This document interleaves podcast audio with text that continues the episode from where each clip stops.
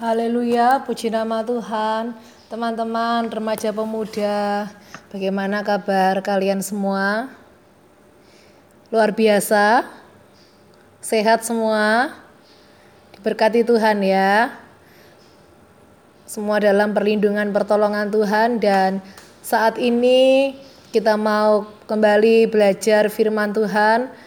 Renungan firman Tuhan pada saat ini dengan judul Pemuda Zaman Now. Pemuda Zaman Now.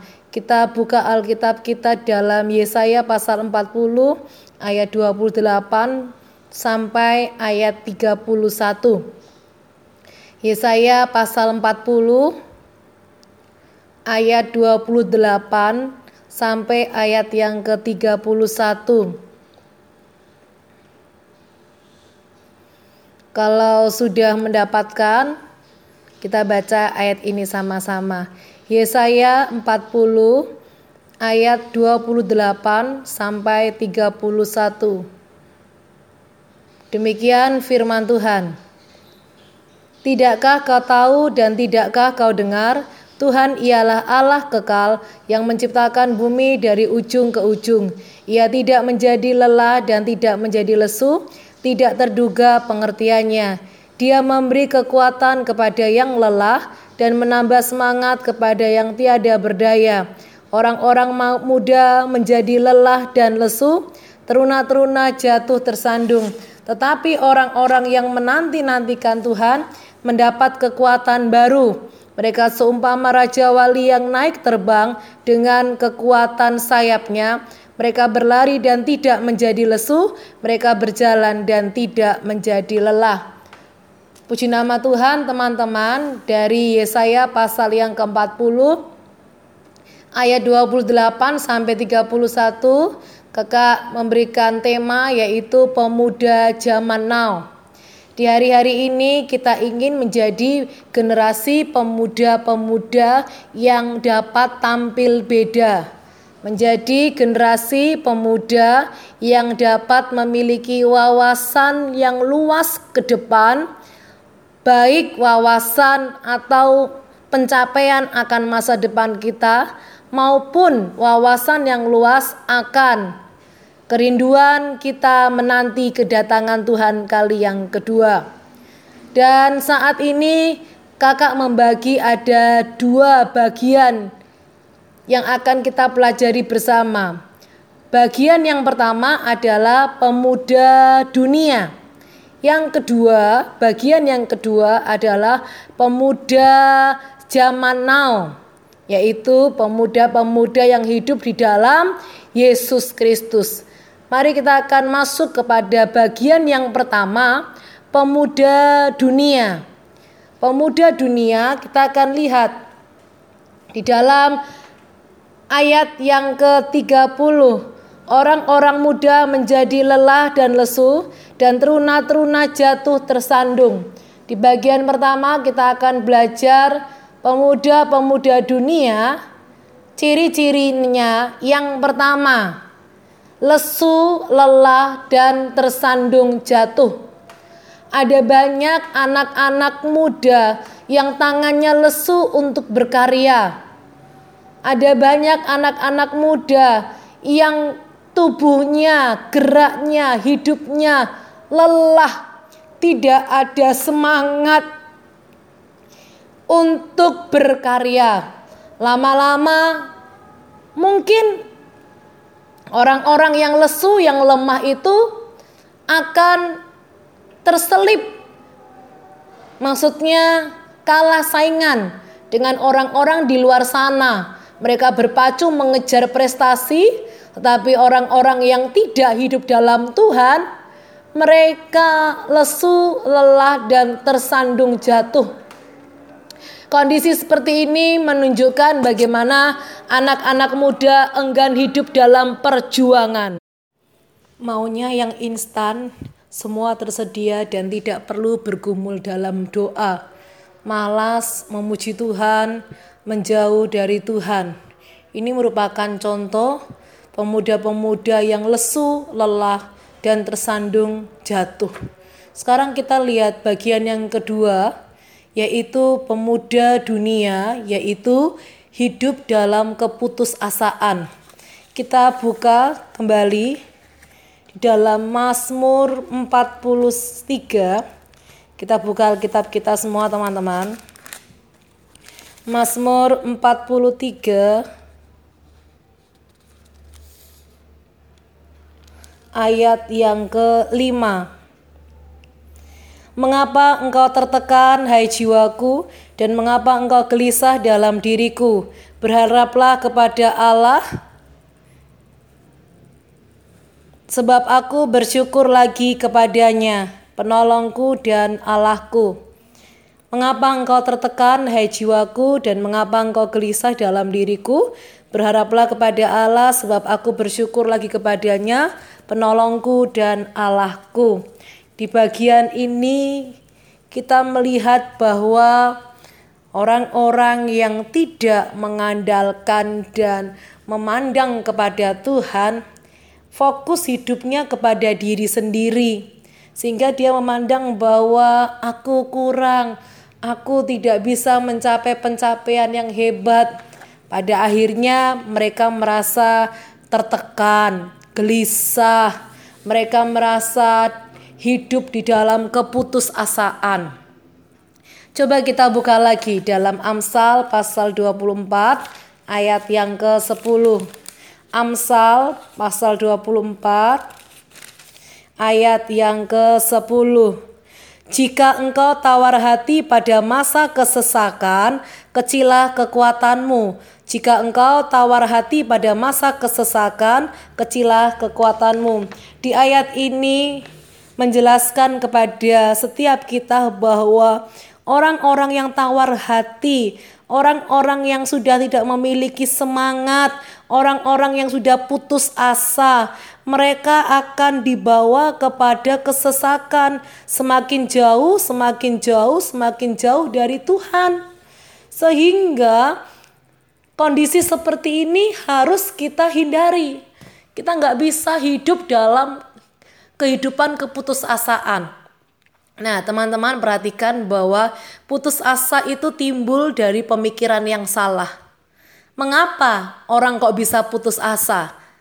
Karena mereka salah berpikir tentang pertolongan Tuhan. Mereka berpikir bahwa Tuhan terlambat. Tuhan tidak memandang aku. Tuhan tidak melihat kesusahan, kesedihanku. Tuhan jahat, Tuhan tidak adil, Tuhan tidak mendengar doaku. Salah dalam menanti waktu Tuhan. Kondisi seperti ini kondisi yang tidak sehat, tidak baik. Hidup dalam keputusasaan karena apa? Salah dalam berpikir tentang pertolongan Tuhan. Ketika awal pemikiran hidup kita ini salah tentang Tuhan, maka semuanya akan buruk terjadi. Bukan yang baik, karena Alkitab katakan yang baik-baik itu datangnya dari Tuhan. Yang luar biasa, luar biasa itu datangnya dari Tuhan. Kenapa ada kondisi keputusasaan? Karena hidup tidak menanti Tuhan, tidak berharap pada Tuhan. Dan yang ketiga, yang terakhir, ciri-ciri pemuda dunia adalah mengasihani diri sendiri perasaan minder, perasaan tidak percaya diri, mengasihani diri sendiri, merupakan gambaran pemuda-pemuda yang hidup di luar Yesus. Mereka memfokuskan diri akan keinginan diri sendiri. Bahkan tipe orang yang mengasihi diri sendiri fokusnya kepada diri sendiri dan tidak peduli dengan orang lain. Mau orang lain mau ngapain, mau orang lain susah bagaimanapun, kita tidak peduli. Lama-kelamaan, kasih kita kepada orang menjadi tawar. Tidak lagi ada kepedulian karena fokusnya kepada diri sendiri. Inilah ketiga hal pemuda dunia. Ciri-cirinya yang pertama tadi apa? Lesu, lelah, tersandung, dan jatuh. Sudah lesu, males ngapa-ngapain. Yang penting aku happy, rebahan aja, aku main game aja, aku nggak berpikir untuk masa depan. Itu kondisi yang salah. Yang kedua, hidup dalam keputusasaan, tidak mempercayai bahwa waktu Tuhan yang terbaik, salah mengambil keputusan. Dan yang ketiga, yang terakhir adalah mengasihani diri sendiri. Jangan sampai pemuda remaja terjangkit penyakit-penyakit mengasihani diri sendiri. Nanti lama-lama kalian akan menjadi orang-orang yang egosentris, akan menjadi orang-orang yang individualisme sendiri, tidak mementingkan orang lain. Tapi kita mau belajar pada malam ini, pemuda zaman now. Bagaimana pemuda zaman now yang Tuhan kehendaki?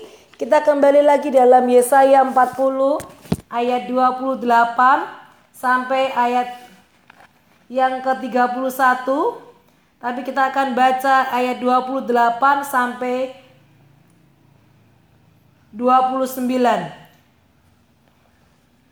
Tidakkah kau tahu dan tidakkah kau dengar Tuhan ialah Allah kekal yang menciptakan bumi dari ujung ke ujung.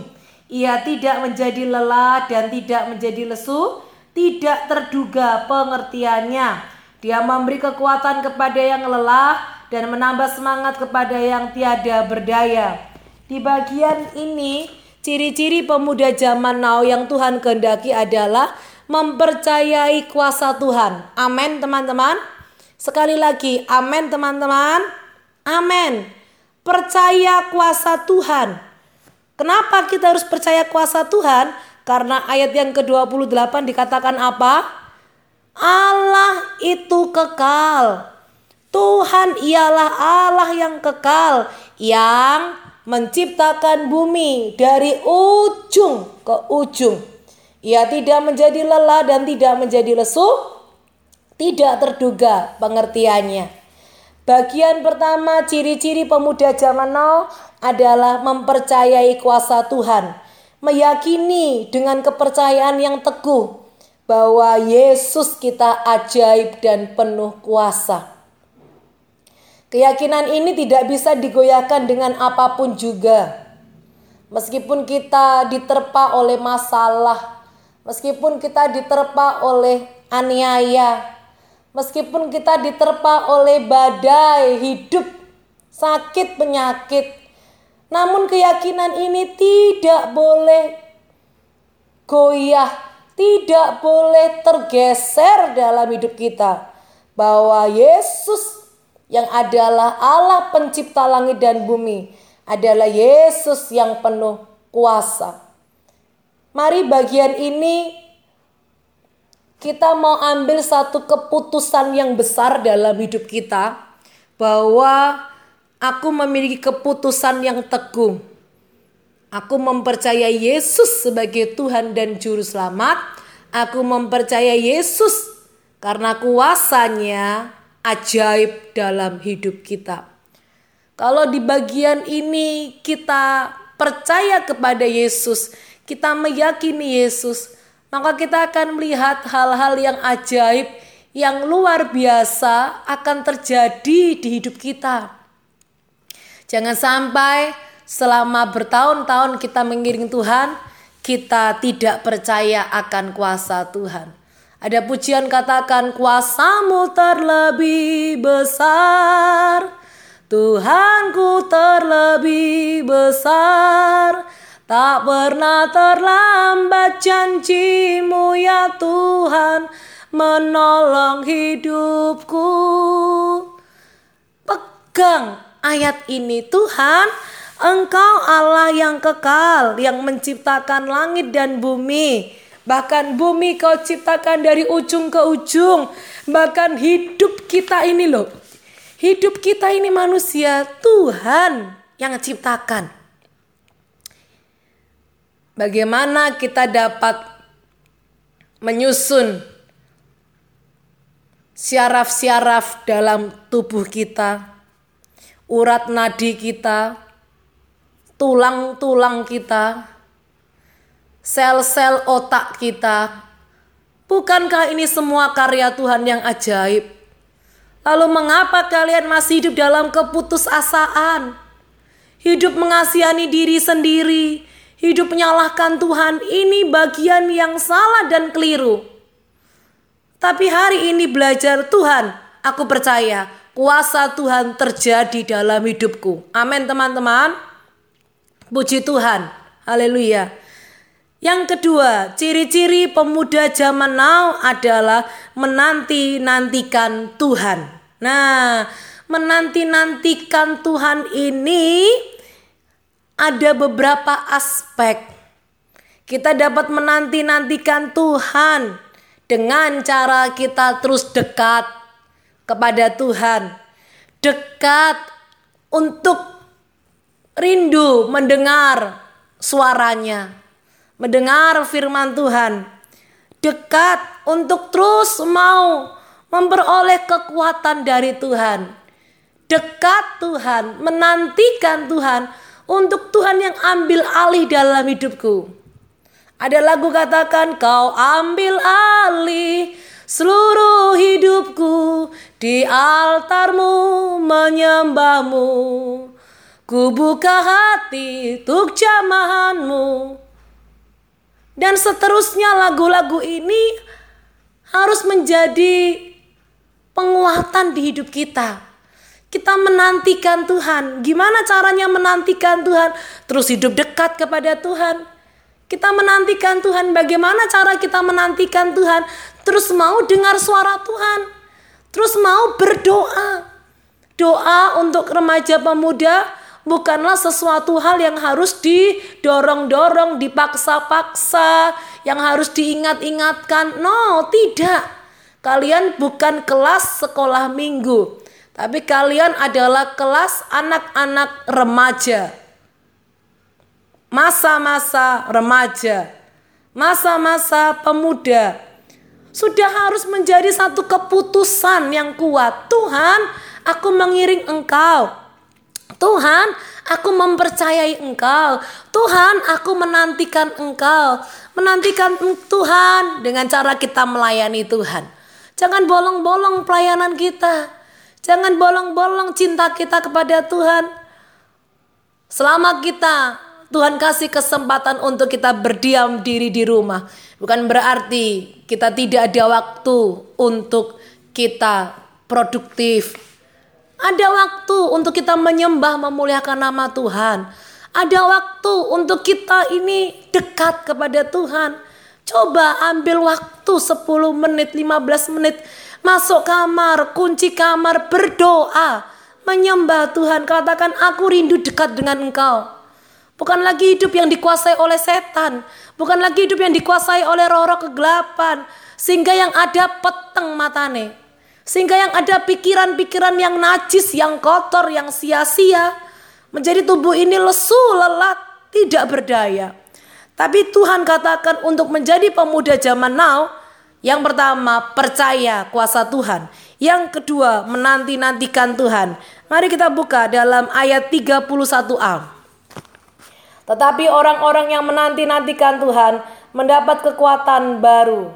Tapi orang-orang yang menanti-nantikan Tuhan mendapat kekuatan baru. Menantikan Tuhan, maka Tuhan akan menolong hidup kita bersama.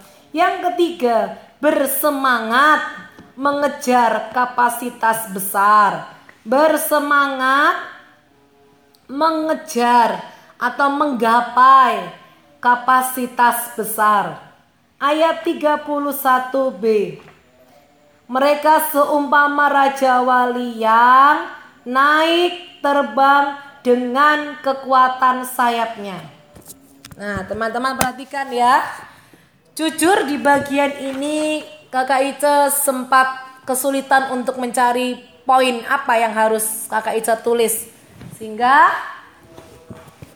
saya mengambil bagian yaitu bersemangat mengejar kapasitas besar. Coba, coba buka, buka lagi ayatnya ya. Perhatikan lagi ayatnya. Mereka seumpama raja wali yang naik terbang. Stop sampai kata-kata itu. Sekali lagi baca, perhatikan, perhatikan. Mereka seumpama raja wali yang naik terbang. Raja wali sedang naik terbang. Raja wali sedang naik terbang tinggi. Dan tentu kondisi seperti ini adalah kondisi di mana dia mengejar, dia menggunakan seluruh daya hidupnya, dia menggunakan seluruh kekuatannya untuk terbang naik lebih tinggi.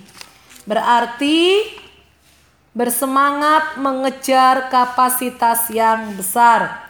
Mari kita buka dalam Roma pasal yang ke-8 ayat yang ke-37. Roma 8 ayat 37.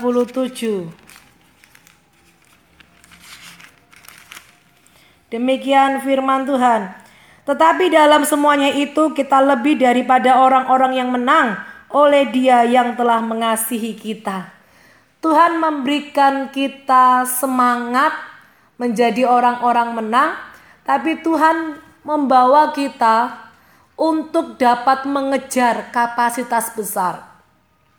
Sekarang kakak masih belum melihat ada di antara kalian yang mengejar untuk memperoleh kapasitas yang besar. Kakak melihat bahwa kalian masih hidup di dalam zona nyaman, menikmati kekayaan orang tua, kalian belum bisa mencari uang sendiri, tapi malah kalian menghambur-hamburkan uang dari orang tua. Tapi di ayat ini perhatikan ciri-ciri pemuda zaman now punya semangat mengejar kapasitas yang besar seperti Raja Wali yang naik terbang tinggi loh. Raja Wali itu bukan bukan hewan yang tidak punya kekuatan. Raja Wali itu kalau terbang tinggi sekali jauh. Bahkan Raja Wali bisa berputar berapa kali dia ada di atas mengudara Raja Wali terbang. Kalau kita ambil dalam kehidupan kita, apa yang mau kita belajar dari Raja Wali? Kita mau mengejar kapasitas besar. Dengan cara apa? Gapai itu. Punya semangat. Punya hubungan dekat kepada Tuhan. Menantikan pertolongan Tuhan. Tuhan inginkan kita punya kapasitas besar dari yang sudah bisa main gitar, sekarang belajar bisa main keyboard. Dari yang sudah bisa main keyboard, belajar main gitar. Dari yang sudah bisa memimpin pujian, belajar menjadi seorang pembawa renungan firman Tuhan. Dari yang sudah bisa satu bagian, bidang satu bagian tertentu, kembangkan punya lagi kapasitas yang besar.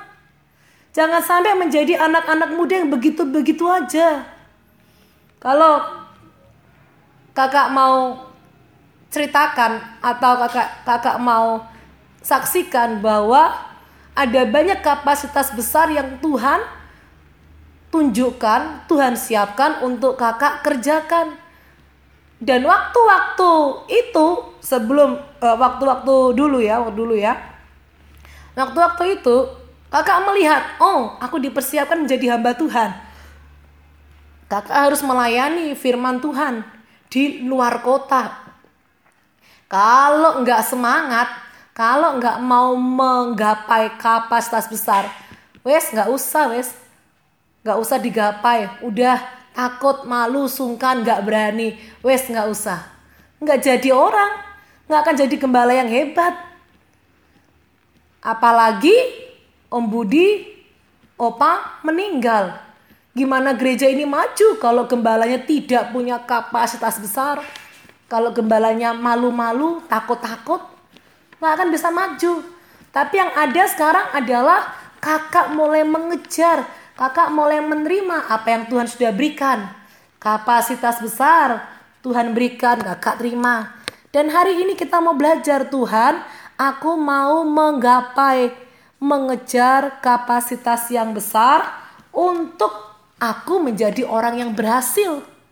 Jangan sampai kalian tidak berhasil. Sudah dari keluarga sederhana, males lagi, wes cocok. Tapi belajar apa pun status ekonomi, status sosialmu, belajar seperti Raja Wali itu terbang tinggi loh. Enggak HP-HPan, enggak tidak rebah-rebahan, tidak males-malesan, menggapai kapasitas besar.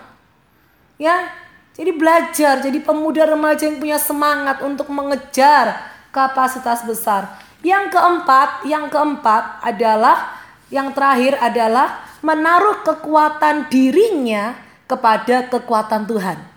Jangan sampai di antara Crash Ambassador Youth GPD itu ban merasa bahwa aku kuat, aku mampu, aku pinter. No, tidak ada yang dapat kita andalkan.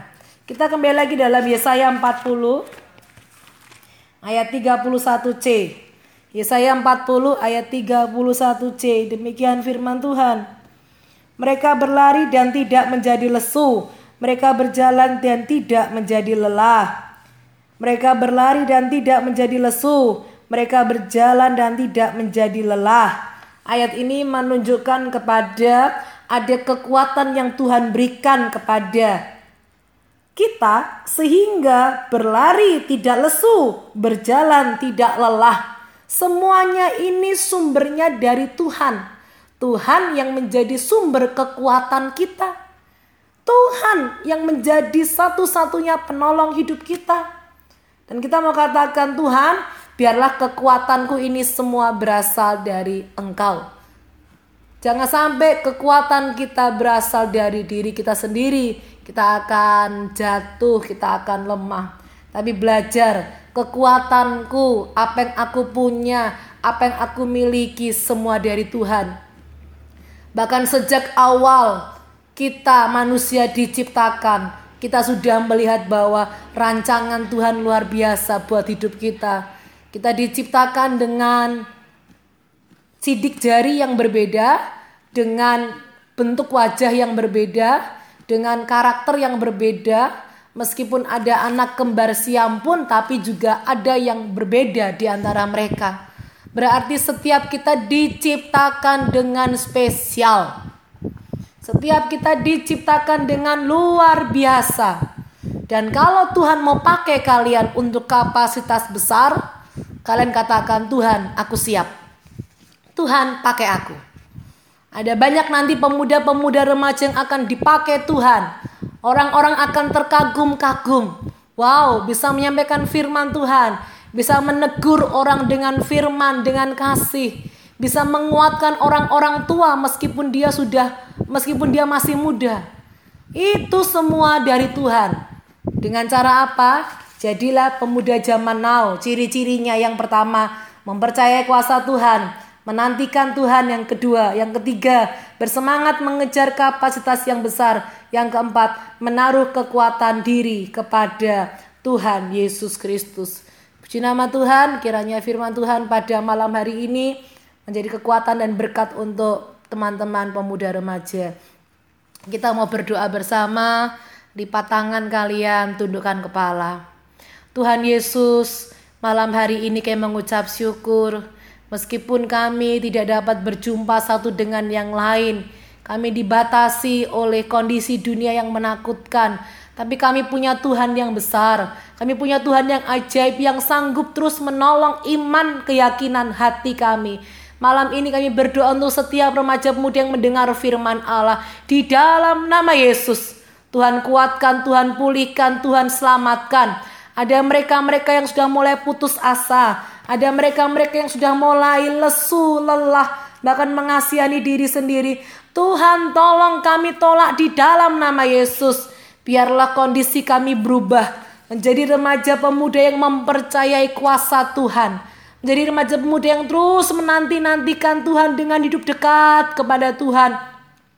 Remaja pemuda yang terus bersemangat mengejar kapasitas besar dan menjadi remaja pemuda yang menaruh kekuatan dirinya kepada kekuatan Tuhan. Kami tidak andalkan hikmat kepintaran kami, enggak Tuhan.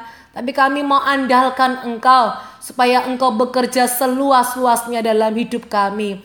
Kami berdoa untuk bangsa kami Indonesia selamatkan di dalam nama Yesus. Patahkan, putuskan mata rantai COVID-19 di dalam nama Yesus. Hidup kami baitmu, hidup kami, tubuh kami milikmu Tuhan. Engkau pakai kami, Engkau tolong kami, Engkau cengkram kami dengan darah Yesus. Sepanjang malam Tuhan jaga lindungi kami sertai, jauhkan dari hal-hal yang tidak baik, jauhkan dari mara bahaya keluarga kami, gereja kami, seluruh jemaat dijaga, ditopang, tolong Tuhan. Kami mengucap syukur, kami terima segala yang baik dari Engkau. Kami peralaskan doa kami dalam nama Tuhan Yesus Kristus kami berdoa. Haleluya. Amin. Selamat malam teman-teman. Tuhan Yesus memberkati kita semua dan coba tuliskan langsung di grup atau di Japri kakak bagaimana apa yang kalian tangkap dari pemberitaan firman Tuhan pada saat ini. Puji Tuhan, haleluya.